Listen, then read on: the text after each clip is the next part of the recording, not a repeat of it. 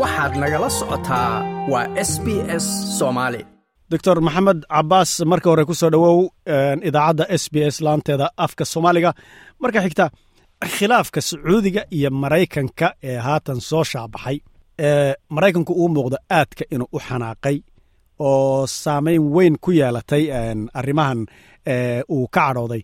Bal maxaa sababay khilaafkaasi maxaase keenay xanaaqa intaa la eg ee dareenkaasi maraykanku hanjabaad ka gaadhay?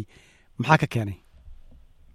Bismi illaahi raxmaan iraxiim madar waad mahadsan tahay adiga iyo idaacadda s b s magaalada melbourne qeybta af soomaaliga. Runtii meesha uu gaadhay xiriirka maraykanka iyo sacuudigu waa meeshii ugu hooseysay ayaa la dhihi karaa. Ma maanta jimcaynu ku jirnaa isniintii la soo dhaafay ayaa madaxweynaha maraykanku hanjabaad ka baxsan luqada diblomaasiyadda uu soo jeediyey oo uu yidhi sacuudi carabiya oo ku dhawaaqday inay iyadu ay kaaba ka tahay wadamadan saliidda soo saara in ay hoos u dhigayaan soo saarkii saliidda.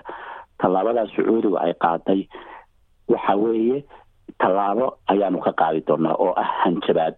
Inkasta oo aanu cadaynin hanjabaad waxa ay noqonayso laakiin niman ka tirsan labada labada xisbi oo la wareysto warbaahinta la hadle waxay sheegeen oo lagu dhawaaqay. Hanjabaadta isniintii markuu soo jeediyey arbacadii dowladda maraykanka waxay sheegtay tallaabooyinka laga qaaday sacuudiga waxa ugu muhiimsan. Hubkii laga iibin jiray horta in laga gooyo marka hanjabaada ka baxsan luqada diblomaasiga in uu u hanjabo madaxweynaha maraykanku dowladda sacuudiga oo ah xaliifka ugu dhow waddamada islaamka sabab ayaa keentay oo sabab waxaad tiraahdaa dheriga maxaa karka ka keenay. Saad ogtahay madar waddamada opec la dhaho oo saliidda soo saara waa saddex iyo toban wadan kun sagaal boqol lixdankii baa la sameeyey. Waxaan rabaa dhegeystayaasha qiimaale inay inala fahmaan wadamadaa saddex iyo tobanka ah iyo balas oo labada kun iyo lix iyo tobankii lagu daray oo rushia ay soo gashay waxa ay haystaan oo ay gacanta ugu jirta saliidda caydhin ee crude oilka af lagu yihahdo boqolkiiba konton adduunka iyagaa gacanta ku haya. Waxaa intaa ku dheer boqolkiiba sagaashan wax alla wixii saliid adduunka ku jirana saddex iyo tobanka wadan iyo balas oo rushia ay ka mid tahay ayaa aya iyaga ayaa laga helaa. Marka saliidda adduunka dhulka ku jirta oo dhan boqolkiiba sagaashan iyagaa controola ta caydhin ee la soo saara boqolkiiba konton ayay ayay ay leeyihiin waddamada. Sacuudiga ayaana number one ka ah. Way shireen waxay dhaheen saliiddii aanu soo saaraynay laba milyan ayaanu hoos u dhigana maraykanku arrinkaa sababta ugu xanaaqay waxa weeye madar oo su'aashaadu ay ku qotonto. Arrinkaasi waxa uu jaanis aada u wanaagsan siiyey dowladdii ruushka oo reer galbeedku ay dagaalka hadda ay kula jireen.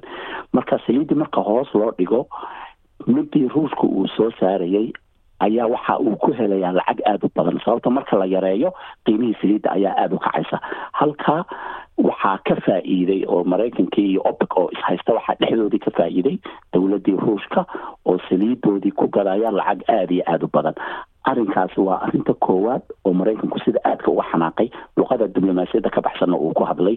Midda labaadna waxa weye waxay ku soo beegantay iyadoo midterm electionkii maraykanku uu soo dhow yahay hadda taasina waxaa layidhi maraykankii bay dhib ku noqonaysaa oo dadweynihii maraykanka ee codeynayay. Ayaa sicirkii saliidda uu cirka isku shareeray. Midaasna waxay dhaawacaysaa xisbiga dimuqraadiga ah iyo joe biden in doorashadii dadweynaha maraykanka u xanaaqaan marka labadaas ayaa maraykanka ka xanaaqsiiyey mid gudaha ah oo dadkii maraykanka qiimihii uu ku kacayo iyo ruushka oo ka faa'iidaya saliidda hoos loo dhigay in uu lacag badan ku gado saliiddii isaga uu soo saarayay dhinaca kaleete khilaafkan u dhexeeya labada dhinac. Dhanka kale haddii laga fiiriyo sacuudigu xisbiga dimuqraadiga ee donald trump markii ugu dambeysayba haddaan ka soo qabanno aad bay isugu milmeen aad bay isula jaan qaadeen isugu fiicnaayeen. Marka ma la dhihi karaa dhankaas sacuudigu saameyn ma laga eegi karaa dhankaas sacuudiga oo xisbiga jamhuuriga inay saa isugu fiicnaayeen iyo maamulkiisi oo hadda waktigii u dambeeyey intuusan bayden imanin. Oo marka ay yimaadeen dimuqraadigu marka ay saa isugu xaggaa ma laga eegi karaa warbixin dheer oo ay qortay jariidada the guardian mother si kale ayay u dhigtay sababtoo ah dhinaca lagama fiirin karo sababtoo ah cadhadan maraykanka hadda ka timid oo madaxweyne maraykanku uu hanjabay. Isla markiiba waxaa la taageeray maadaama isaga uu xisbiga dimuqraadiga uu ka socdo joe biden isla markiiba go'aankiisa waxaa boqolkiiba boqol taageeray dhammaan xisbiga jamhuuriga ee republicanka oo donald trump ay ka dhisan. Marka waxaa layidhi saliidda soo saarideeda oo sacuudigu hoos u dhigay waxay si isku mid ah uga xanaajisay xisbigii jamhuuriga oo biden oo ah donald trump tiamkiisii iyo joe biden. Labadiiba aad bay uga xanaaqeen. Waxayna u arkeen arrin oo national interest ah oo danta guud ee maraykanka taabanaysa oon xisbi shaqo ku lahayn. Marka waa runtaa waktigii donald trump sacuudiga xiriir aada u dhow buu lalahaa maraykanka sida uu hadda xiriirku yahay. Laakiin arrinkan marka uu hadda arrintan ay dhacday saliidda hoos loo dhigayo labadii xisbiba arrinkaas aad buu uga xanaajiyey. Waa ayna ka midaysan yihiin in sacuudiga tallaabo laga qaado. Madar waxaa kaloo xusid mudan hanjabaada maraykanka hadda ka timid weligeed kama iman baa layidhi. Waxaa la sheegay sacuudigu inuu xadgudbiyo badan sameeyey dagaalka yaman dad badan oo shacab inuu ku laayay wariyihii jamaal khashuuqi inuu dilay iyo iyo xadgudubyo badan oo sacuudigu hadda ka hor sameeyey waxaa weligii hanjabaad intaa la eg kama iman maraykanka.